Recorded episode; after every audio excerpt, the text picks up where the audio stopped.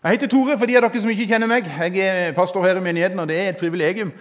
Og For noen søndager siden så, så nevnte jeg at eh, det er en søndag dere må sette av. Dere må rydde kalenderen for alle mulige andre ting. Han er allerede markert i kalenderen din. Han er allerede blitt en rød dag. Eh, og du tenker at hva skal jeg på den røde dagen? Jo, du skal komme deg til kirka for første påske. da. Jeg har på en måte sagt, og jeg kommer til å utfordre masse av mine pastorkollegaer, vi må ta tilbake igjen påskefeiringa som kristenfolk. Eh, og det gjør vi ved at vi samles til Guds, eh, fellesskap, i gudstjeneste, rundt forbi. Eh, vi har blitt sånn at vi tenker at påske handler om hyttetur og fjell. og alt sånne ting. Det er bra, men første påske, da, da blir det her. Og Der kan jeg allerede nå avsløre at det blir en festgudstjeneste. Jeg skal ikke si mer, men, men det, det, blir det. Retten og retten og sletten. Yes, det var litt sånn Sist søndag så, så, eh, så, snakket jeg om dette med hellig. Vi snakket om at eh, Gud er ikke bare hellig, men han er tre ganger hellig. Altså hellig, hellig, hellig. Det står bare to plasser i hele Bibelen at han er det. Og det, det, det er litt sånn eh, spesielt. Det, det, er ingen andre plasser det står at han er kjærlig, kjærlig, kjærlig. Men det står at han er hellig, hellig, hellig. Og eh, Så sa jeg at vi skal være i det temaet òg i dag. Men eh, før vi går inn på å tale om dette med å leve et hellig liv eh, Vi har sittet ganske lenge. Skal vi reise oss opp og så skal vi, vi strekke på beina bitte grann, og så skal vi be en kort, liten bønn? Jesus, takk for det at du er her. Takk for det at du har vært her lenge før vi andre kom. Og vi bare ber deg, Jesus, om at ditt nærvær skal få lov til å fylle dette rommet. La din ånd få lov til å møte oss. Tal til våre hjerter, Jesus. Hjelp oss til å skru av alt støy og larm som måtte være i hodet vårt, sånn at vi kan ha et fokus på deg i den tida vi er sammen her. Det ber jeg deg om i Jesu navn. Og alt Guds folk sa. Amen. Amen. Ja, Veldig bra. Vær så god, sitt. Jeg har tenkt på en ting, og det er Hvis jeg hadde sagt til deg at jeg har en jobb som er ledig, eh, og jeg tilbudte deg den jobben til deg og sa vet du noe, har du lyst på en jobb, jeg har en ledig jobb, er du gira på å ta jobben, så vil jeg tippe at det er veldig få av dere som hadde svart ja med bare det lille jeg har sagt nå. De fleste hadde spurt ja, hva slags jobb? Altså, Hva er det du tenker å invitere meg inn i? på en måte? Altså, eh, skal, skal, vi jobbe lenge? Er det hardt? Er det mye? Er det, er det over lengre periode? Er det bare sånn en liten fort? Altså, De fleste av oss hopper ikke på et jobbtilbud sånn uten videre. Altså, Jeg hadde iallfall ikke gjort det. Altså, Hadde f.eks. Tom, som leder møtet her i dag, spurt meg Tore, vil du gjøre en jobb for meg, da hadde, da hadde jeg tenkt meg om. altså. altså det, vi vet jo aldri hva en kan bli invitert inn i. Um, jeg hadde stussa på det, men hvis du var her sist søndag, så las vi en bibeltekst fra Gamle Testamentet, i Jesaja. Vi las bare et, et lite stykke, og så stoppet vi. Men det står noe mer etter det vi las. Og For å få bitte grann sammenheng så har jeg lyst til at vi skal lese sammenhengen. At Vi skal begynne der vi var sist søndag, og så skal vi fortsette. Det stender dette i Jesaja kapittel 6, vers 1, så stender det I det året da kong Usja døde, så jeg Herren sitte på en høy og opphøyd trone. Og kanten på kappen hans fylte tempelet. Serafer, altså engler, sto overfor ham. Hver av dem hadde seks vinger.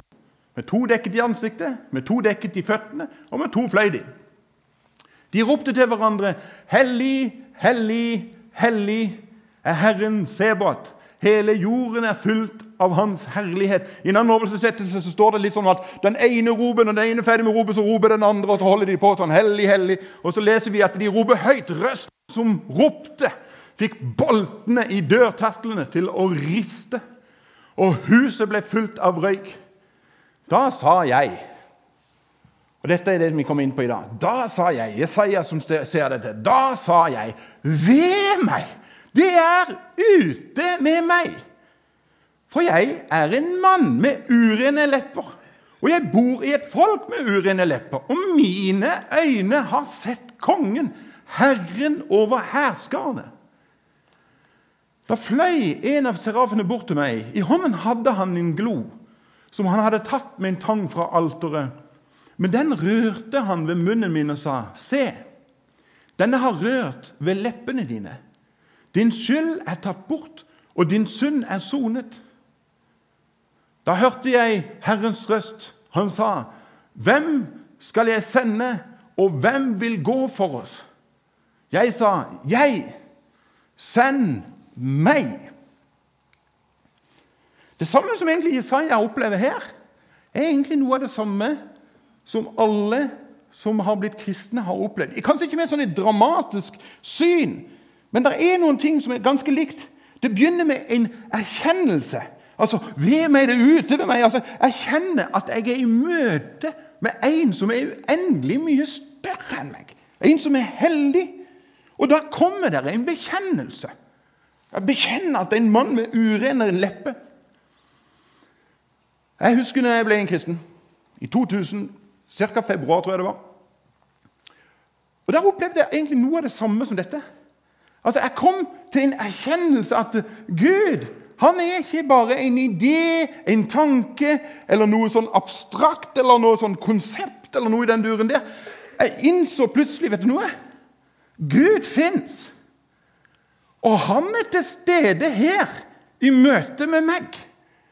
Og når jeg kjente det Når du på en måte får et møte med den tre ganger hellige Gud, da skjer det et eller annet på innsiden. Da kommer det iallfall fra min side en bekjennelse. Og da var det ikke en mann med urene lepper. Da kom det et synderegister. Altså, det var sånn Kjære Jesus, du ser hele dette spetakkelet her. altså. Her må du virkelig gjøre et eller annet greie. Og så var det ikke sånn at jeg opplevde det kom en engel, eller et eller annet sånt, men hvis jeg skulle ha brukt det til litt som bibelspråk på det, så var det som om at eh, Jesus kom, og så tok han ut et steinhjerte ut av brystkassa på meg. Og så satte han inn et hjerte som pulserte av liv. Og jeg tuller ikke. Det var som det eksploderte på innsida. Det var bare sånn at jeg kjente at det, nå er det en trykkoker på innsida her som gjør at jeg vet nesten ikke hvilket bein jeg skal stå på. Det ble bare sånn hva, altså, plutselig, altså, Nå lever du, Tore, på skikkelig av og til har jeg sagt at jeg skulle ønske jeg kunne sagt en sånn glidelås for meg, så kunne folk sett på innsida. For det, det, det sutrer og popper og koker fortsatt veldig mye her inne. Og jeg, eh, og jeg tror det er noe av dette som skjer med alle mennesker. Og alle mennesker som møter en hellig Gud, de opplever en felles ting. Og det er at de blir hellige.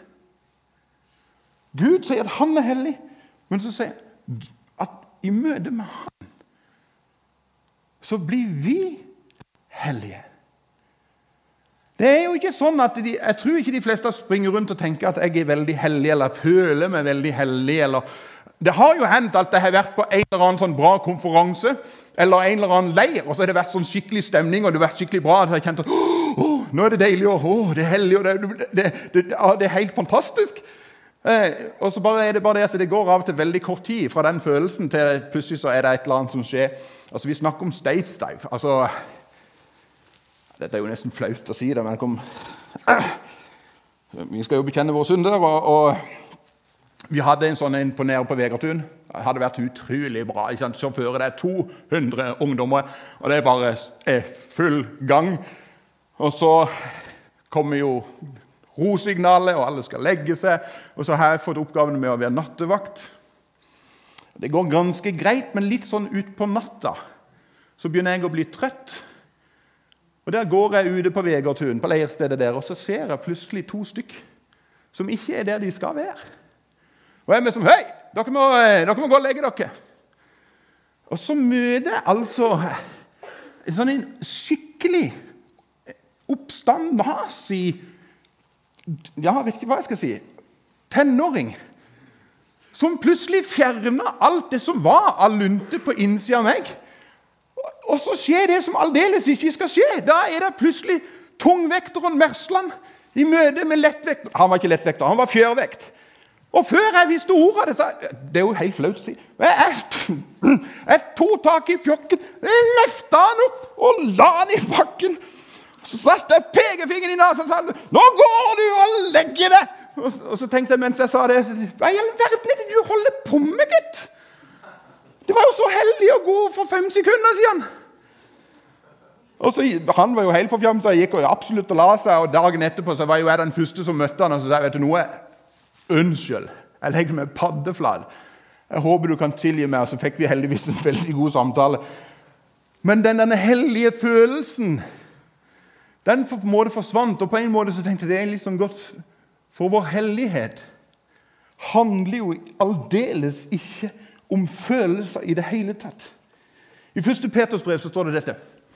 Han som kalte dere, er hellig. Slik skal også dere være hellige i all deres ferd. For det står skrevet dere skal være hellige, for jeg er hellig. Altså, det handler ikke om våre følelser. Men det er Gud som sier at vi som er kalt av Jesus, som er tatt imot ham, vi er hellige. Eller sagt på en annen måte et hellig menneske.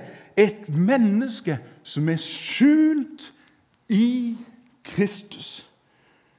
Og derfor så, og Siden vi er skjult i Kristus, så fortsetter Peter med å si dette i neste kapittel. 1. Peters brev, kapittel 2. Men dere er en utvalgsslekt, et kongelig presteskap, et hellig folk. Et folk som Gud har vunnet for at dere skal forkynne Hans storverk. Han som kalte dere fra mørket inn i sitt underfulle lys. Dere som før ikke var et folk, er nå Guds folk. Dere som før ikke, fa dere som før ikke fant barmhjertighet, har nå funnet barmhjertighet. Et hellig folk. Husker dere sist gang, sist søndag? Så sa jeg hva er hellig? Hva vil det si at noe er hellig? Så sa jeg noe i denne duren her om at hellig er noe som er guddommelig, noe som er motsatt av det hverdagslige, det verdslige. Altså noe som er helt annerledes. Det er en annen måte òg å beskrive hellighet på. Og det er rett og slett at hellighet og hellig er noe som er en fastere masse. Jeg, altså, eh, se, for deg, se for deg en smørkniv. En smørkniv er en fastere masse enn smør. Stapper du kniven i smør, så går den rett inn i dette smøret. Tar du f.eks. en stein og slipper ned i ei bøtte med vann, så fortrenger steinen vannet, for det er en fastere masse. Jeg skal prøve å forklare det enda bedre. Det var, det, det var en mann som var ute og gikk. Og Mens han var ute og gikk, han var ute og gikk tur i skogen, så opplever han plutselig at han ser med sine fysiske øyne at en engel går på sida av han. Og han tenker wow! Det er jo sant, det som står i Bibelen, at det er en engel som følger med. Vi synger det jo i en sang. Det er en engel som følger meg. Skal ikke synge nå. Eh, og Så går han der, og så legger han plutselig merke til at eh, det skjer noe rart. For hver gang han kommer til en stor stein, eller noe, så går denne mannen rundt denne steinen. Men det gjør ikke engelen. Engelen går rett igjennom. Hver gang de kommer til noen store trær Mannen går rundt, engelen går rett igjennom.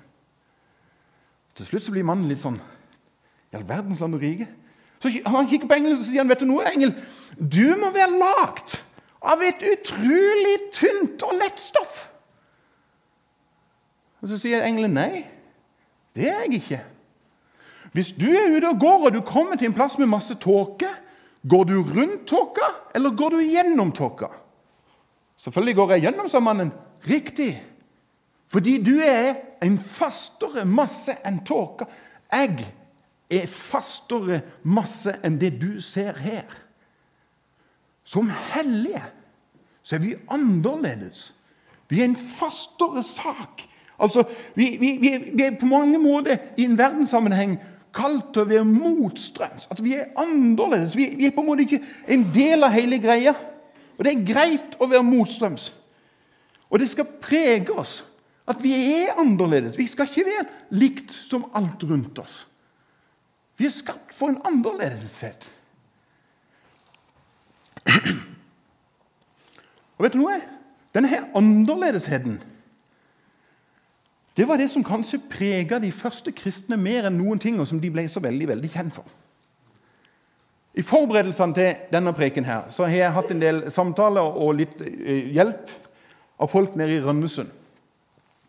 Og En av de tingene som jeg lærte med i samtale med noen av disse I Randesund jobber bl.a. Roy Gjelling, som ble nevnt at han kommer om 14 dager. Og En av de tingene jeg lærte, eh, det var noe som går i kirkehistorien. Du vet, eh, Vi har 66 bøker i Bibelen. Men så fins det òg en del skrifter som ikke har noe med Bibelen å gjøre, men som har vært en kristen litteratur eller brev som er blitt sendt.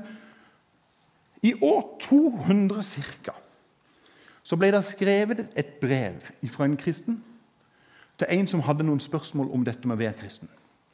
Og Det brevet har blitt bevart og ble oversatt til norsk i 1935. Og Det er et brev som de kaller for 'brevet til Diognet'. Altså en person som heter Diognet. Jeg skal ikke lese hele brevet, for det er ganske langt. Men det kommer en beskrivelse av hvordan de kristne er. Brevet begynner sånn som dette. Høyt ærede Diognett. Jeg hører at du av hjertet ønsker å lære og kjenne den gudstro som de kristne har.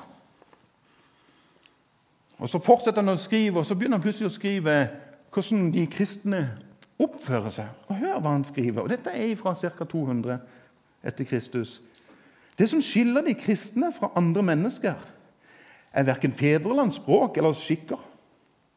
De bor ikke i egne byer og taler ikke fremmede tungemål. I sin daglige tilværelse avviker de ikke fra andre.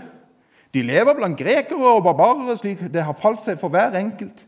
De følger stedets skikker med hensyn til klær og mat og atferd for øvrig. Og likevel er deres vandel slik at den vekker alminnelig undring og beundring. De gifter seg som andre og får barn, men setter ikke ut sitt avkom. De deler bord, men ikke ekteseng. De er i kjødet, men lever ikke etter kjødet. De bor på jorden, men har sin hjem i himmelen. De adlyder de gjeldende, lover, men gjør dem overflødige gjennom sin livsførsel. De elsker alle og blir forfulgt av alle. Man kjenner dem ikke, og likevel fordømmer man dem. De blir slått i hjel, men blir gjort levende. De er fattige, men gjør mange rike. De mangler alt, men har overflod i alt. De blir vanæret, men i vanæren vinner de heder. De spottes, men får sin rett. De blir utskjelt, men velsigner. De blir ydmyket, men viser ærbødighet. Når de gjør godt, straffes de som forbrytere. Og når de straffes, gleder de seg fordi de fører til livet. De bekjempes som fremmede av jøder og forfølges av grekerne. Men de som hater dem, kan ikke forklare årsaken til sitt hat. De kristne de hellige, er rett og slett annerledes. Et annerledes liv som vekker undring og beundring. Eller det, som, det samme som Jesus sa i sin ypperste prestelige bønn i Johannes kapittel 17, så sier han dette her Dere er ikke av denne verden. Altså, Vi lever her, men vi er ikke av denne verden. Vi er på i verden, men ikke av verden. Altså, Vi lever et annerledes liv. Ja, vi har et hjem her, men vårt rette hjem er himmelen. Vår livsførsel bærer preg av at vi har en himmelsk identitet her vi vandrer på jord. Altså, Hvis du kommer hjem Jeg står på klokka. Vi har vel tid, har vi ikke det? Jeg har ikke dette på, på, på, på powerpoint, men eh, hør, hør ifra Romerne. La, la bibeltekster få lov til å tale til oss her. Romerne kapittel 12. Eh, Hopp inn i vers 9, f.eks. La kjærligheten være oppriktig, avsky det onde, hold dere til det gode. Elsk hverandre inderlig som søsken og sett de andre høyere enn dere selv. Vær ikke lunkne, men ivrige. Vær brennende i ånden, tjen Herren. Vær glade i håpet, tålmodige i motgangen, utholdende i bønnen. Vær med og hjelp de hellige som lider nød, og legg vind på gjestfrihet. Velsign den som forfølger det, velsign og forbann ikke. Gled deg med de, eh, med de, glade, og gråt med de som gråter. Og så fortsetter han hele veien. Altså, De første kristne de levde dette. her. Det var dette de var kjent for. Det var dette som gjorde at de vekka en sånn undring og beundring. Hva er det med disse menneskene her som er så annerledes? Uansett hva vi gjør for noe, så sprer de velsignelse. Hele, hele tida. Gå hjem og les hele Romerne 8 hvis du har tid. Det bør du ha tid til. Og så er det så veldig fort gjort når vi sier disse tingene her, at, at vi skal være annerledes. Og så tenker jeg litt med meg sjøl at ja, men jeg er så annerledes. Jeg lever jo ikke alltid sånn som jeg burde. Jeg gjør jo ikke alltid de tingene jeg burde gjøre. Jeg sier ikke alltid de tingene jeg skulle ha sagt. Jeg unnlater å si ting når jeg kanskje hadde en mulighet til å si noe. Det er én ting som er kjempeviktig å vite for oss som er kristne, som er hellige. Vi er òg en ting til. Vi er disipler. Eller lærling eller elev. Altså Egentlig så burde vi gått med sånn skilt som de av og til gjør på en restaurant så står det navnet på vedkommende, så står det 'under opplæring'. For det er det vi er. Vi er under opplæring. Det er ikke alltid vi får til disse tingene. Ja, vi er hellige, men vi er fortsatt under opplæring. Altså, Vi trør i salaten, vi gjør feil, vi synder. Vi sier ting vi ikke burde, og tenker ting vi ikke burde tenke. og Noen ganger så eksploderer vi på tenåringer som ikke er der de skulle være på nattestid, og skjeller de huden full. Bare fordi at vi har blitt litt trøtte. Og så kjenner jo jeg folk som tenner på alle plugger bare fordi det er lenge siden de spiste mat. Skal ikke nevne navnet på kona mi. Men vi er mennesker. Vi er hellige. Men vi er jo disipler. Jeg vet jeg har fortalt denne historien her før, men jeg kom på den, og det er litt fordi jeg har eh, noen av barna mine i salen i dag. Og Jeg husker når hun eldste var liten, og hun skulle begynne å gå. Så er jo det en gøy sport med små barn. Det er jo mer som mor og far setter ungen ned på gulvet. Og så er det mer som å se er det mulig at de tar ett steg. Liksom tar de ett steg, og så går de på trynet, og så løfter du de opp. Så tar de to steg, og så går de på trynet. Og Etter fire ganger på trynet så ringte jo etter mor mi og så sa jeg, vet du noe, er det, er det reklamasjonsrett på disse ungene. her? Denne ungen her funker jo ikke. Han har gått på trynet hele tida. Nei, jeg gjorde jo ikke det. Jeg ringte jo til min mor og sa er det mulig, mamma? Hun går! Hun er tatt to steg! Stolt som en hane! Sa ingenting om at hun hadde trynet ti ganger. Vet du noe? Sånn er vår himmelske far. Han teller ikke fallene våre. Han teller stegene. Han vet at vi er under opplæring. Han vet at vi trenger nåde hver eneste dag. Vi faller, vi ber om tilgivelse. Han reiser oss opp. Derfor er det så utrolig viktig for oss som er kristne, at vi alltid har Jesus, Gud, i sentrum av våre liv. At alt det vi gjør, har sitt utspring ifra Han. At det er Han som får lov til å prege vår måte å leve på. Altså, Han skal få lov til å prege måten jeg ser mennesker som jeg møter. Altså, hvis jeg, La oss just nå velsigne og forbanne ikke. Jeg blir lei meg, oppriktig lei meg, når jeg ser kristne folk på Facebook kommentere andre mennesker og dømme de nord og ned. Disse muslimene, Vi skulle ha kasta dem ut av huet, og fy få ut disse her. Og jeg tenkte, kjære min tid, Det er mennesker. Så vi skal velsigne. Og så Vi har ikke sendt ut så mange misjonærer i det siste, så tenker jeg, ja, ja, da hjelper jo Gud å sende de hit, så kan vi misjonere her. tenker jeg, altså Se mulighetene istedenfor problemene. folkens. Altså, Vi skal være annerledes. Vår måte å se mennesker skal ha sitt utspring i hvordan Gud ser menneskene. Han skal få lov til å prege oss. Altså, Måten jeg er som ektemann, som pappa, skal ha sitt utspring i mitt forhold til Gud. At han er sentrum. Måten jeg snakker med folk på, måten jeg er som altså, Hver enkelt av oss er på en arbeidsplass, på en skole. altså, La oss være noen som sprer godhet. Jeg kom på det når vi har besøk av ungdommer her. Jeg husker For mange år siden så var det to ungdommer nede på Sørlandet på en skole der det var ingen andre kristne på denne skolen. De bare gikk i gang, og så hadde vi startet skolelaget. sa de. Og Det fikk de lov til, og de var de to.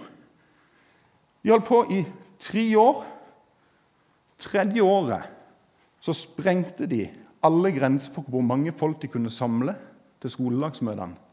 Og rektor kom til dem og sa pga. dere to så har hele miljøet på denne skolen forandra seg. Mennesker som satte Jesus i sentrum og lot han få lov til å prege hva som skulle bli sagt, og hva som skulle bli gjort. Vi skulle jo ha lest hele Kolosserne kapittel 3, men jeg tror ikke vi har tid til det. Vi velger å la Jesus være i sentrum. I alle områder av våre liv så lar vi Hans hellighet få lov til å skinne igjennom oss. Ja, vi trør feil innimellom. Jeg tror ikke det er for uten grunn at Jesus lærte oss å be Fader vår. Forlat oss vår skyld. Og la din vilje skje. Vet du noe? Det handler jo om hans vilje gjennom våre liv. Jeg har sagt det mange ganger her. Dette livet her på jord handler jo ikke om deg og meg, men det handler jo om han. Om Jesus. Det er han det handler om. Åssen vi oppfører oss i møte med mennesker, bør preges av hvem som er i sentrum av våre liv. Det bør jo prege hvordan vi forvalter f.eks. For vår økonomi. Altså Det at vi snakker om her å være glade givere og gi 10 til menigheten Hvorfor gjør vi det? Jo, fordi Gud er jo i sentrum. Det springer ut ifra gleden i sammen med Han, ifra Hans hellighet. Og Da er vi tilbake igjen til der jeg begynte. Vil du ta imot en jobb hvis ikke du vet hva det går i? Svaret mitt er ja. Jeg er villig til å ta imot en jobb, en tjeneste, et oppdrag ifra min himmelske, hellige Far. Når det er Han som utfordrer meg. Hvem skal jeg sende, og hvem skal gå? Her er jeg. Send meg.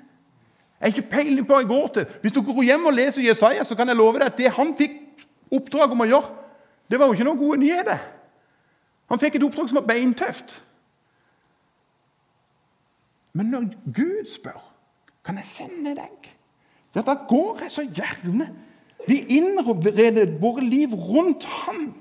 Og så sprer vi Hans storverk, som vi, som vi, at, eh, vi, eh, vi skal fortelle om Guds storverk leste vi et av versene. Hva er dette storverket? Det er jo det vi skal feire.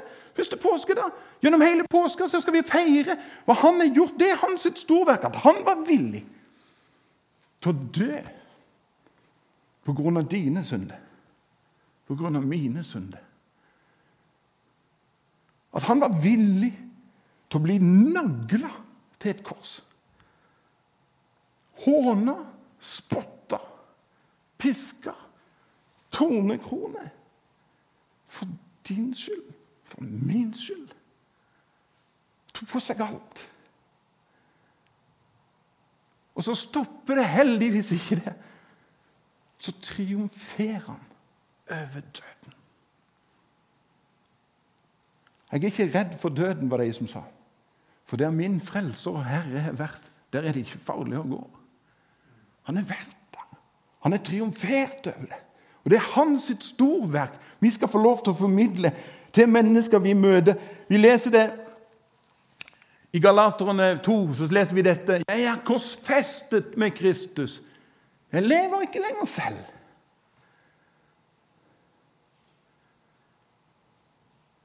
Hvis jeg skulle vært kjørt mitt eget løp Jeg er veldig glad for at vi har kommet til Porsgrunn.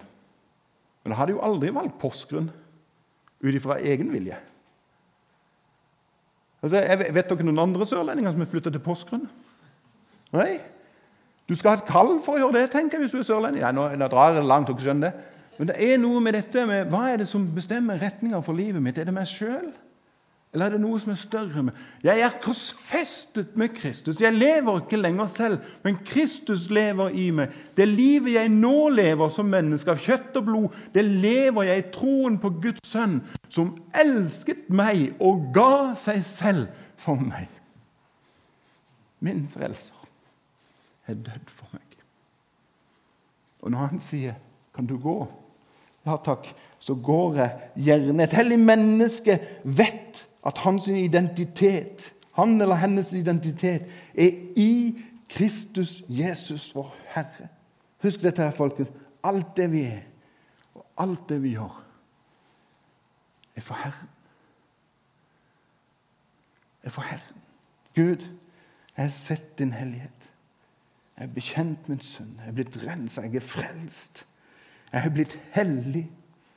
Jeg har hørt ditt kall. Og jeg svarer Gud, her er jeg. Send meg. Send meg det det passer deg best, der det gagner deg best. Jeg går, Jesus. Koste hva det koste ville, for du har gjort alt for meg. La din hellighet få lov til å lyse gjennom meg. Skal vi be? Dere kan få lov til å komme fram. Den sangen de skal synge, er den siste sangen som vi sang i stad, som taler akkurat om dette. Jesus, jeg takker deg for det at uh, vi er hellige fordi du er hellig. Takker deg for det at uh, det er du, ved din ånd, som pulserer i våre liv. Det er gjennom deg at vi lever og er til. Takker deg, Jesus, for det at jeg ikke trenger å leve for meg sjøl. Takker deg for det at eh, mitt liv er korsfesta med deg. Takker deg for det at eh, du rett og slett inviterer oss til å gå ut og fortelle om din storhet. Takk for det at du finner oss verdig, vi som er enkle mennesker. Men på grunn av det du har gjort, på grunn av det du har gitt oss din ånd, så kan vi få lov til å svare ja, Jesus. Jeg går. Jeg går. Send meg. Bruk meg. Hjelp meg til å legge ned mitt eget. Det ber jeg om. I Jesu navn.